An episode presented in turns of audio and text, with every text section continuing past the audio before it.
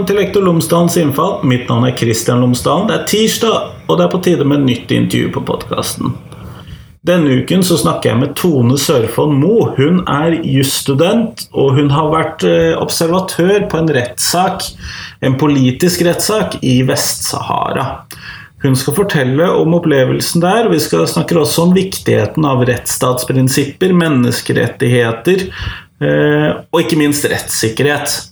Eh, så en spennende avveksling, men et viktig poeng, særlig inn i samfunnsfagene i skolen, eh, hvor nettopp disse temaene skal tas opp. Her får du intervjuet.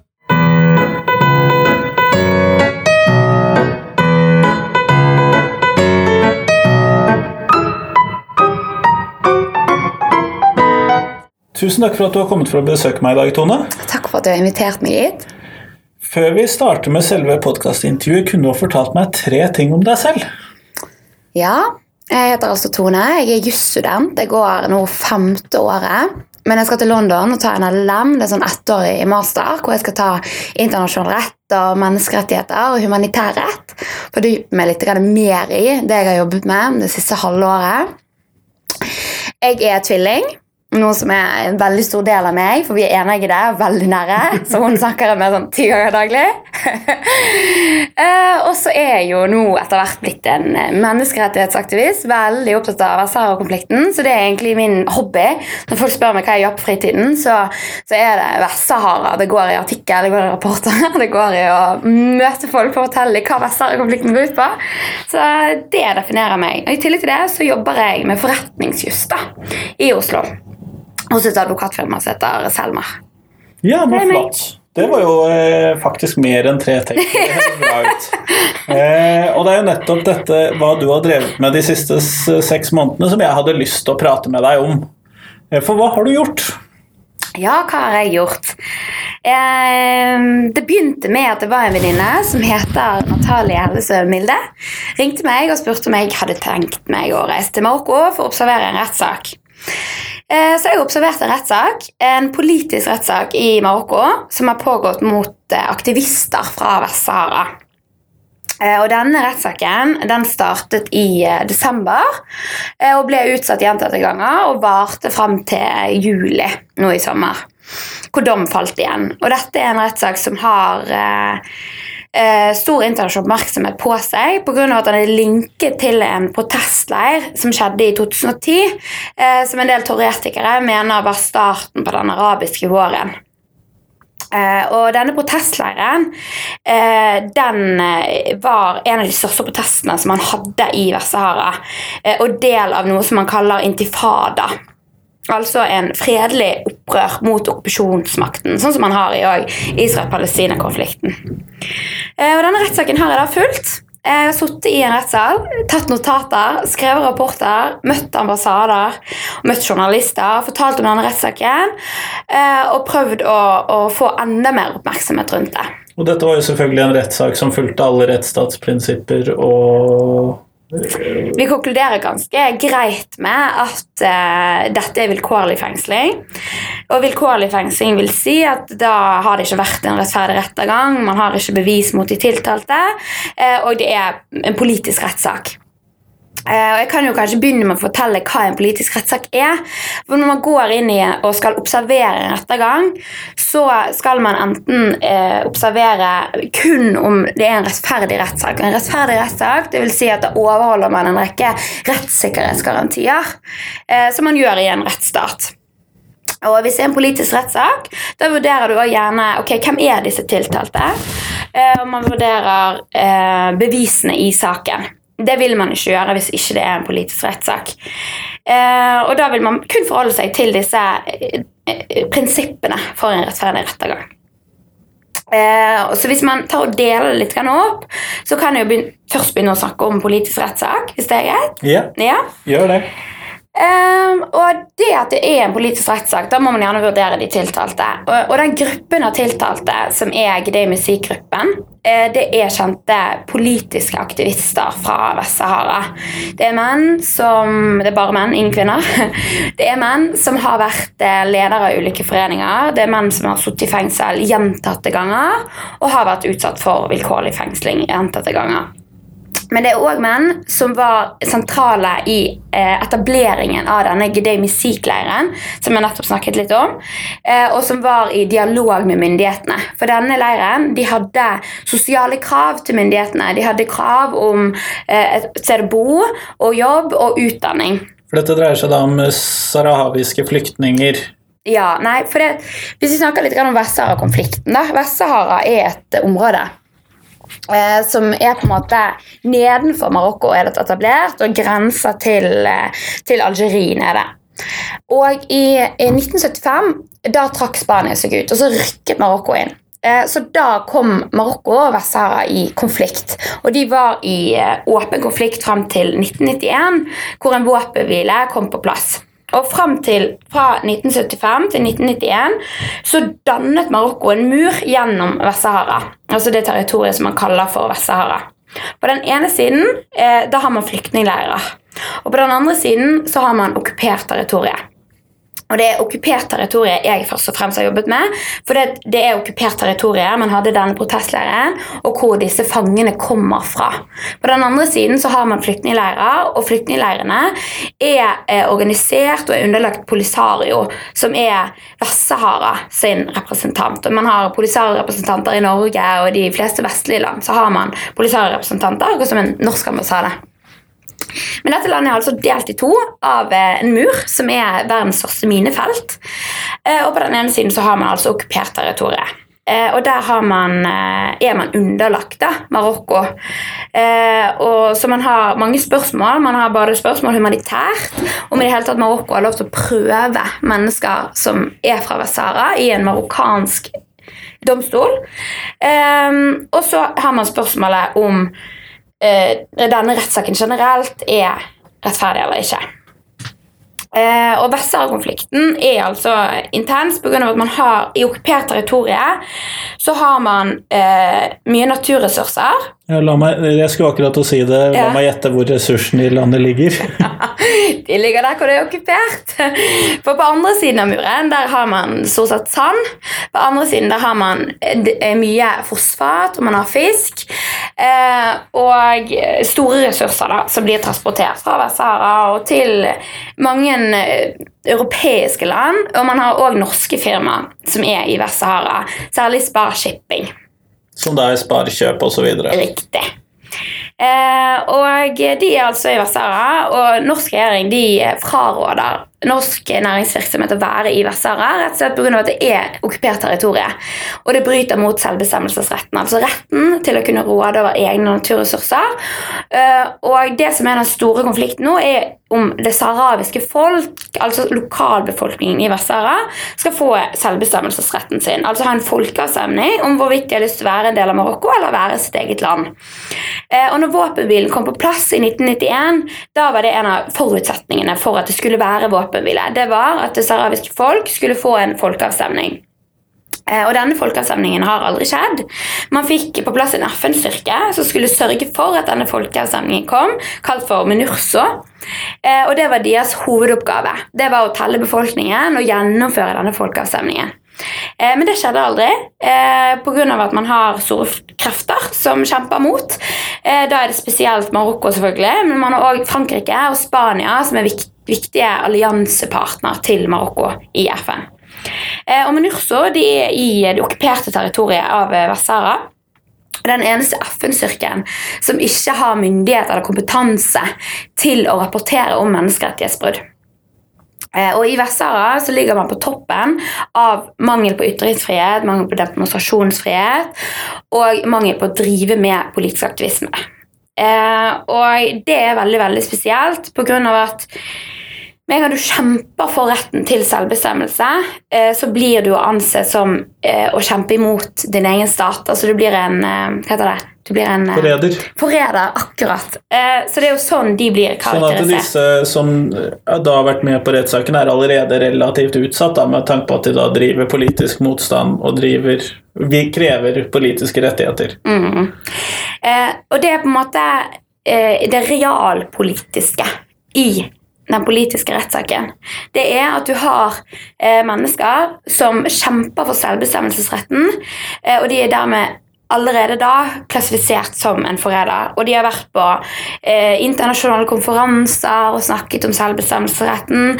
De har kontakter med Polisario, som de mener er den riktige eh, representanten for det saharawiske folk. Eh, så dermed så er de allerede klassifisert som en forræder, men òg til dels som en terrorist. Eh, og dette fargelegger jo selvfølgelig hele rettssaken. Eh, og det er Med en gang jeg kom dit, da, det var i, i desember, eh, da hadde jeg liksom lest meg litt opp på Vest-Sahara-konflikten og visste sånn cirka hva det gikk ut på. Men jeg ble sjokka over hvor mye altså Det propagandanettverket som er, var stelt i stand. da, Det var store demonstrasjoner rundt hele rettslokalet. Eh, og det var eh, flere nyhetskanaler til stede, og det var flere observatører eh, som eh, var gjerne fra Frankrike, da, men var på marokkansk side. Og som fortalte mediene om hvor bra den rettssaken var, om at den var rettferdig, og at de tiltalte var terrorister. Og det var et helt altså akkurat, du, kan, du kan linke til, det, til Nelson Mandela-rettssaken, som var i sin tid. Hvor man hadde så utrolig stor medieoppmerksomhet. Eh, og man hadde representanter fra ulike land som kjempet på statens side eh, mot disse tiltalte. Som i mine øyne helt klart er politiske aktivister fra Vest-Sahara. Og det er grunnen for at jeg klassifiserer det som en politisk rettssak. Det er dette bakbildet. Og så er neste vilkår da, for å vurdere om dette er en politisk rettssak, det er det hele tatt om det finnes bevis mot denne gruppen. Eh, og da har man altså eh, en gruppe på 25 tiltalte, og de bevisene som foreligger mot denne gruppen, eh, det er først og fremst politiforklaringer. Eh, Og dette er politiforklaringer som de tiltalte hevder ble tatt når de ble torturert. altså De signerte mens de ble torturert. Men det er òg forklaringer som er oppdiktet. altså De er forfalsket mot dem. Så de mener at det er forklaringer som de aldri ga til påtalemyndighetene. Eh, Og så finnes det eh, bevis som går ut på en del vitner, som ikke er klare å peke de ut, men som er vitner om selve ødeleggelsen av leiren. Eh, Og så har man en film eh, hvor man heller ikke kan identifisere noen av de tiltalte, men man ser hvordan leiren ble rett og slett ødelagt. da. Eh, Og så har man en del telefonsamtaler mellom noen av de tiltalte eh, og representanter for Polisario, eh, og da gjerne ministeren som har ansvaret for okkupert territorium i Polisario, hvor de snakket om denne leiren og hvordan det gikk. Og Dette blir da brukt som bevis mot denne gruppen på at de planlagte leiren, som i marokkansk, marokkansk påtalemyndighet er fremstilt som en militærleir, og eh, bevis for at de drepte elleve politimenn den 8. november 2010. Ja, nettopp. Sånn at eh, her så har du da egentlig ikke så veldig mye beviser. Du har en gruppe som er allerede utsatt for politisk forfølgelse. Det høres jo ikke så veldig oppløftende ut som en rettssak, da. Nei, du starter liksom ikke på det beste grunnlaget. Men eh, ja, og det er på en måte det som fargelegger hele denne saken. Og da, har du på en måte, da er du innenfor de to første vilkårene for å anse det som en politisk rettssak. Det er uh, at det er politiske aktivister. uh, det er menneskerettighetsaktivister eller journalister eller noen som har ytret seg mot regimet. Og for det andre at man har totalt fravær av bevis. Og da må man inn og vurdere. Er dette en, er dette en politisk rettssak, og er faktisk disse menneskene utsatt for vilkårlig fengsling? Eh, og denne protestleiren er jo noe òg det som fargelegger rettssaken. Og denne protestleiren den startet i oktober 2010. eh, Og den startet egentlig ved at flere saharawier reiste ut i ørkenen og satte opp teltene sine. For det saharawiske folk de er nomademennesker. Sånn at de, eh, deres kultur går ut på å bo i telt og ha kameler. Eh, Så de reiste ut i ørkenen og satte opp teltene sine. Eh, Og så fulgte flere og flere mennesker. Og man har estimert det til at denne leiren besto av rundt 20 000 mennesker på det sitt største. Og denne leiren den overlevde i en hel måned. Denne leiren de hadde sosiale krav, var i forhandlinger med myndighetene, men ble ødelagt den 8. november 2010. Grytidlig om morgenen. Det man vet, er at marokkanske myndigheter de omringet leiren fra dag én med militære. Så de altså plasserte denne leiren under en form for siege. Altså de, de omringet menneskene som var inne i leiren. Mm, akkurat. Eh, og den 8. november så angrep de befolkningen eh, klokken seks om morgenen mens de lå og sov. Eh, ved hjelp av vannkanoner og gummikuler og kjepper. Tradisjonelle beleiringsvåpen for eh, Riktig. Ja. Noe som de kaller for riot gear. Ja, ja. Ja. Dette har vi sett før. Ja. Eh, og mens eh, dette skjedde, så ble det store opptøyer i de store byene i Vest-Sahara, altså i de okkuperte territoriene. Eh, og det ble òg opptøyer i leiren eh, klokken seks om morgenen. Eh, og marokkanske myndigheter de mener at eh, elleve politimenn døde denne dagen. Og de mener at det er de tiltalte som er fengslet, som har drept disse menneskene. Og hvorvidt det var elleve politimenn som døde, eller om det var flere som døde, eller om det var også sivile som døde, det er veldig vanskelig å si. For det var ingen internasjonal media eller internasjonale observatører som fikk lov til å komme inn til denne leiren. Den ble avsperret for det internasjonale samfunnet veldig tidlig. Så det er ingen som har helt korrekte tall. Men marokkanske myndigheter hevder altså at elleve politimenn døde, mens Polisario, som som sagt er representanten for det sahrawiske folk, de hevder at ja, det var elleve politimenn som døde, men det var òg flere sivile som døde. Eh, og det var flere sivile som ble skadet. Eh, og når denne leiren ble ødelagt, så ble hundrevis av sahrawier arrestert. Eh, og da endte det med at 25 slapp aldri ut av fengsel. Og det er disse som du fulgte rettssaken. Det er de som jeg har fulgt rettssaken til. Og de ble altså arrestert i 2010, så denne saken den har en ganske lang historie. På grunn av at De har jo vært nå fengslet i snart syv år. Sånn at i 2013 da ble denne gruppen prøvd i en militærdomstol. Eh, og Da ble de prøvd i en militærdomstol pga. at de var tiltalt for å ha angrepet offentlige myndigheter. Denne dommen her i 2013 den ble opphevet i 2016 av Høyesterett i Marokko. Eh, av at de sa at dere hadde ikke gode nok bevis, eh, så nå sender vi den til en sivil domstol. Så det var den saken som startet. Det er jo litt oppløftende, da. Ja, det er oppløftende at Høyesterett eh, sa nei, du har ikke nok bevis. Men det er nok òg antagelig pga. det internasjonale presset. Denne saken har stor internasjonal oppmerksomhet, både pga. at mange av fangene er kjente politiske aktivister som ble arrestert, eh, men òg pga. at det er helt fraværet bevist. bevis. Det eneste de hadde i militærdomstolen, det var denne politiforklaringene som etter internasjonal rett det er ikke lov til å bygge på når det er snakk om tortur, og når du ikke hadde en advokat til stede når du ga denne forklaringen. Sånn at Det eneste som de dømte disse menneskene etter, det er egentlig ulovlig bevis. Som du ikke har lov til å bygge på. Uh, ja, Så det er denne saken jeg har fulgt, uh, og det er denne saken jeg har fulgt siden desember. Eh, Hvordan var det å sitte der i rettssaken? Jeg har vært veldig mye sint. eh, Og veldig mye eh, lei meg. Jeg har hørt helt forferdelige historier. Og jeg har sett mennesker bli behandlet som at de er dritt under skoen på noen. Mennesker som i utgangspunktet skal bli behandlet som de er uskyldige, blir behandlet som de er terrorister. Eh, og det er helt forferdelig å se et menneske eh, som du vet har blitt eh, torturert, bli behandlet på den måten i ettertid med ingen verdighet. Så jeg har vært veldig mye sint. Det er mye som har sjokket meg. Og mye som har gitt meg eh, tror jeg sitter igjen med et nytt verdensbilde, rett og slett. Etter å ha hørt det jeg har hørt, og sett det jeg har sett. Mm. Jeg har vært mye sint. Altså ristet i rettssalen. Det har jeg forståelse for. Um, opplevde du noe ubehag ved å være til stede? Eller sånn i forhold til deg da, som person ved å være der? Ja, det er jo Det er jo fordi dette er en veldig kjent rettssak. Så øh, vi, vi visste jo ikke om jeg kom til å slippe inn i landet når jeg kom. Det gjorde jeg jo. Åpenbart.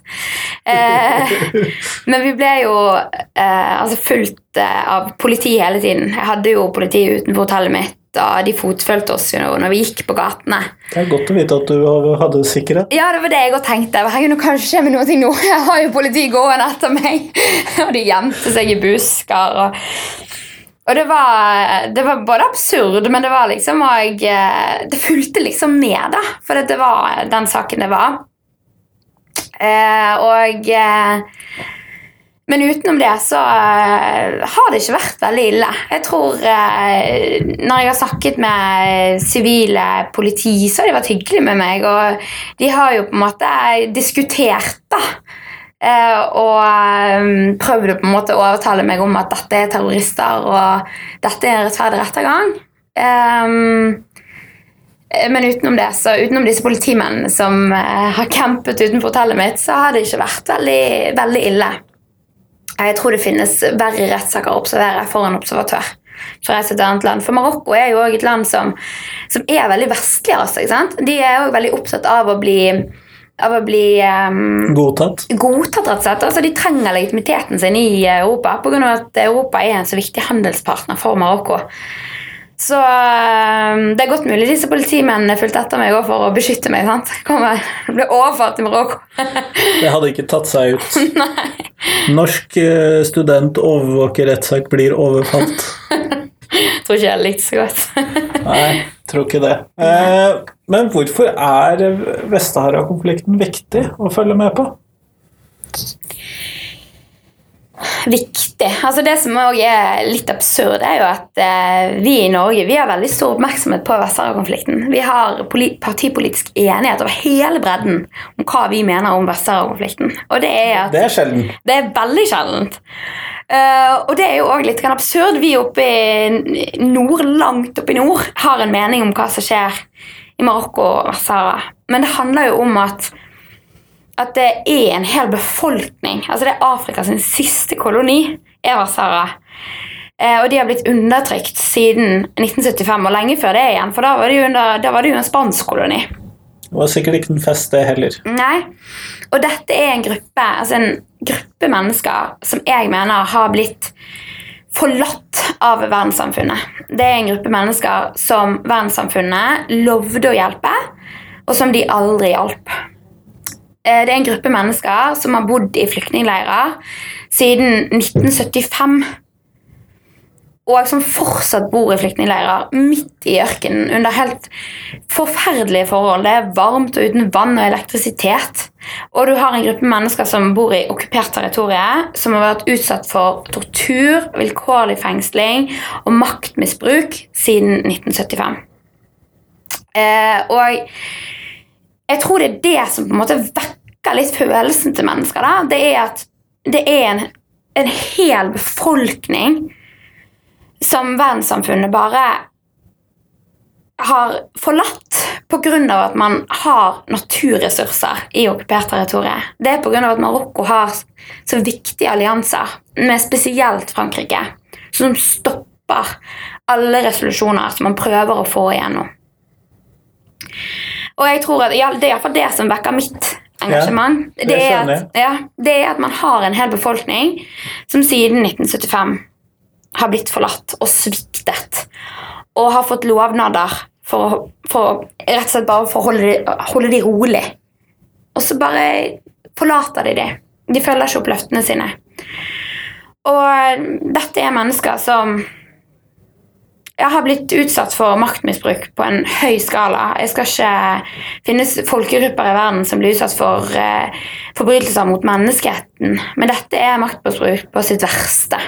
Hvor man har å gjøre med okkupert territorium. Og da er det akkurat som at okkupasjonsmakten jobber mot befolkningen. Ja, det høres jo slik ut. Men uh, hva kan vi gjøre i Norge, eller hva kan Norge gjøre, eller hva kan vi gjøre som befolkning for å hjelpe til der nede? Tenker du? Vi må legge press på Marokko. Vi må, uh, vi må sette opp altså Vi må forholde oss til den folkeretten sånn den foreligger. Nå bryter vi kontinuerlig folkeretten når det kommer til Vest-Sahara-konflikten. Bare det at eh, norske firmaer får lov til å drive handel i Vest-Sahara er et brudd. Dette er, dette er naturressurser som tilhører den sahrawiske befolkningen som bor i Vest-Sahara. Det er brudd på folkeretten bare der. Ja, De ser vel ikke så mye av disse pengene? Nei, de ser ingenting av disse pengene. Befolkningen bor i flyktningleirene.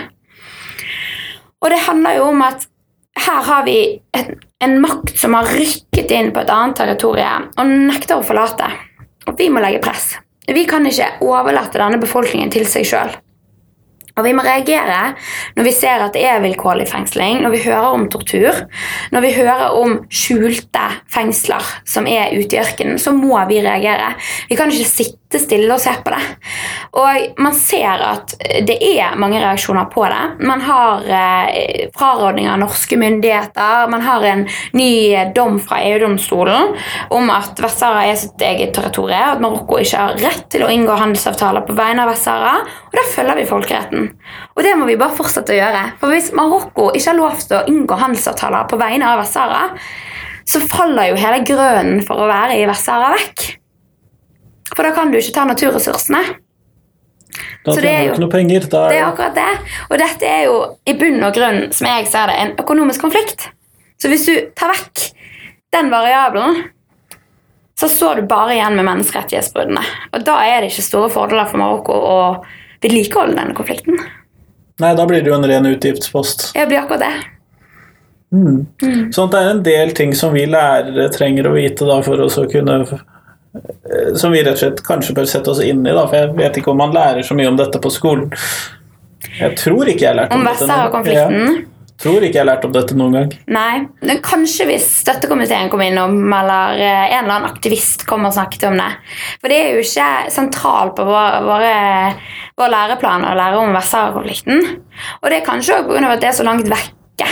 Men jeg mener jo desidert at det skulle vært på læreplanen. Det er jo Afrikas siste koloni. Så når vi lærer om kolonimaktene, så burde vi i alle fall høre om Vest-Sahara i tillegg. Siste kolonien i Afrika. Ja, det burde gi plass på, i hvert fall på pensumlisten. Ja, det mener i alle fall jeg. Men så tenker jeg jo at altså det er en konflikt som er så inngrodd urettferdig. Og det er det som vekker mitt engasjement. Og det som òg eh, vekker Jeg kan jo fortelle en historie om hvorfor jeg bestemte meg for å komme Ja, tilbake. Ja. For når jeg reiser første gang jeg, Som sagt så er jo jeg egentlig en jusstudent. Eh, fortsatt det, altså. Og jeg jobber hos Selma. Eh, så jeg hadde jo i utgangspunktet ikke tid til å reise ned. Så jeg skulle reise ned én gang. Det var jeg ganske klar for. Eh, Bare igjen 14 dager. Eller. jeg skulle være, nei, jeg skulle være der i romjulen. da. Jeg reiste, jeg reiste første juledag og skulle komme hjem eh, dagen før nyttårsaften. That's it. Eh, Men så reiste jeg jo eh, som sagt tilbake. Og det var på grunn av at jeg satt i Marokko. Det var én dag med rettssak, og så utsatte de igjen. Til januar. Og etter det de påfølgende dagene så gjennomførte jeg intervju. Jeg gjennomførte mange intervjuer med folk som hadde blitt arrestert eh, når denne leiren ble ødelagt. Um, og de fortalte meg om eh, hvordan det hadde vært i fengselet, hvordan de ble arrestert. Eh, og den samme historien kom hver gang. Det var mennesker som hadde blitt gjerne plukket opp på gaten, eller på vei tilbake til byen, så var de bare blitt plukket opp og lempet inn i en bil. eh, Og kjørt til hovedkvarteret til militæret, og der var de blitt holdt. De hadde ikke fått advokat, de hadde ikke blitt eh, avhørt, de hadde ikke eh, fått møtt en dommer etter 24 timer. Det var ingen rettssikkerhetsgarantier. De hadde blitt sittet plassert på et mørkt rom uten mat og drikke, i alle fall i 48 timer, og så hadde de kanskje fått litt vann. Så hadde de sittet der en uke til, og mange av de hadde sluppet ut, og noen av de hadde blitt transportert videre til fengselet. Eh, og hver eneste av de fortalte en lik historie. At de hadde blitt sittet i dette rommet, blitt torturert, eh, signert eller satt sitt fingeravtrykk, og at denne forklaringen ble brukt som bevis. Og det var det eneste beviset politiet hadde. Eh, og da blir du sint. Som en jusstudent så blir du skikkelig, skikkelig, skikkelig sint. Um, Ja, det går jo rett på fagområdet. det går rett på fagområdet, vet du, og du blir eh, er det tilfelle? Fikk du Satt du bare på et rom? Og dette er historier som eh, du Som, som for nordmenn er så Det er jo en helt annen verden at dette kan skje. Ja, det er ganske fjernt. Det, det er veldig fjernt. Og, og det er Da har man ikke en rettsstat. sant? Man har, man har en stat som går mot menneskene. Eh, men den siste dagen jeg var der, så satt jeg og snakket med en dame eh, som er kanskje rundt 70 år. Eh, og en, eh, en positiv dame. Hun smiler hele tiden, synger hele tiden. Eh, og hun kom bort til meg, og, og så spurte hun kan du være snill å ta historien min. Jeg har så lyst til å fortelle min historie til noen. Og jeg vet, ja, selvfølgelig vil jeg ha historien din. Eh, og satt der, jeg tror det var kanskje tre timer, hvor hun fortalte meg eh, sin historie. Og dette er en dame som har ble fengslet i 1975 og satt i fengsel til 1991. I et skjult fengsel kalt for Meguna fengsel. Eh, hun ble fengslet sammen med mammaen sin, eh, som var en av lederne for Polisario når Polisario ble stiftet. Eh, mammaen døde under torturen. Hun falt ned fra taket og traff med hodet først og ble begravd i en elv. og hun fortalte meg om ja, hvordan det var å bo i dette fengselet. hun fortalte meg om hvordan de ble utsatt for overgrep. Eh, og viste meg eh, brannmerker eh, og arr etter torturen som hun hadde vært igjennom. og jeg satt der og prøvde liksom å holde tårene tilbake, for det var en vanvittig sterk historie å høre. og det var helt, helt forferdelig å ikke kunne gjøre noe mer for å beskytte henne. Eh, men det var ikke min plass å grine. Det er ikke jeg som har blitt påført denne grusomheten. Men så satt vi der på slutten, og så spurte jeg henne men, men hva, hva, spør du, hva, spør du, meg om? Hva spør du det internasjonale samfunnet om? Og da sa hun at jeg spør, om, jeg spør om hjelp, for vi vil aldri ty til våpen for å drepe våre brødre. Den eneste løsningen må være en fredelig løsning. Og da tenkte jeg at da satt jeg der, og så bare ble jeg sånn Er det mulig å ha blitt påført så mye grusomhet over så mange år og fortsatt tenke jeg skal aldri ty til våpen? Jeg skal aldri drepe. Jeg skal aldri gjøre det du gjorde mot meg. Og da tenkte jeg hvis du, hvis du klarer det, så skal jeg ikke forlate deg. Da skal jeg heller være ditt talerør. Da skal jeg fortsette å fortelle din historie. Og så skal jeg høre flere og flere historier og viderebringe de ut. Og det er egentlig grunnen for at jeg reiser tilbake. Ser det. Jeg ser det. Og da fortsetter jeg. Ja, Nei, bra. Eh, tusen takk for at du forteller det. Eh, nå skal vi mot slutten på podkasten, og da skal du få det samme spørsmålet som jeg stiller til alle. Og det er hva ville du gjort i norsk skole hvis du fikk fritt mandat og fritt budsjett å gjøre det du vil? Jeg har tidligere omtalt det som å være norsk skolediktator, men det føles litt upassende i denne sammenhengen.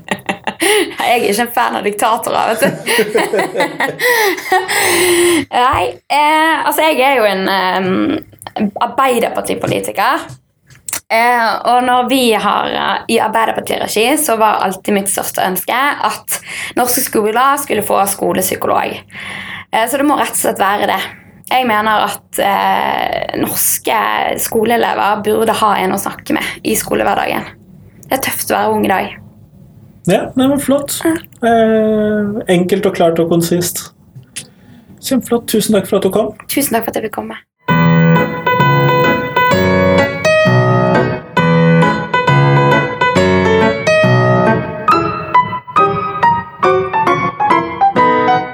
Tusen takk til Tone, og tusen takk til deg som hørte på.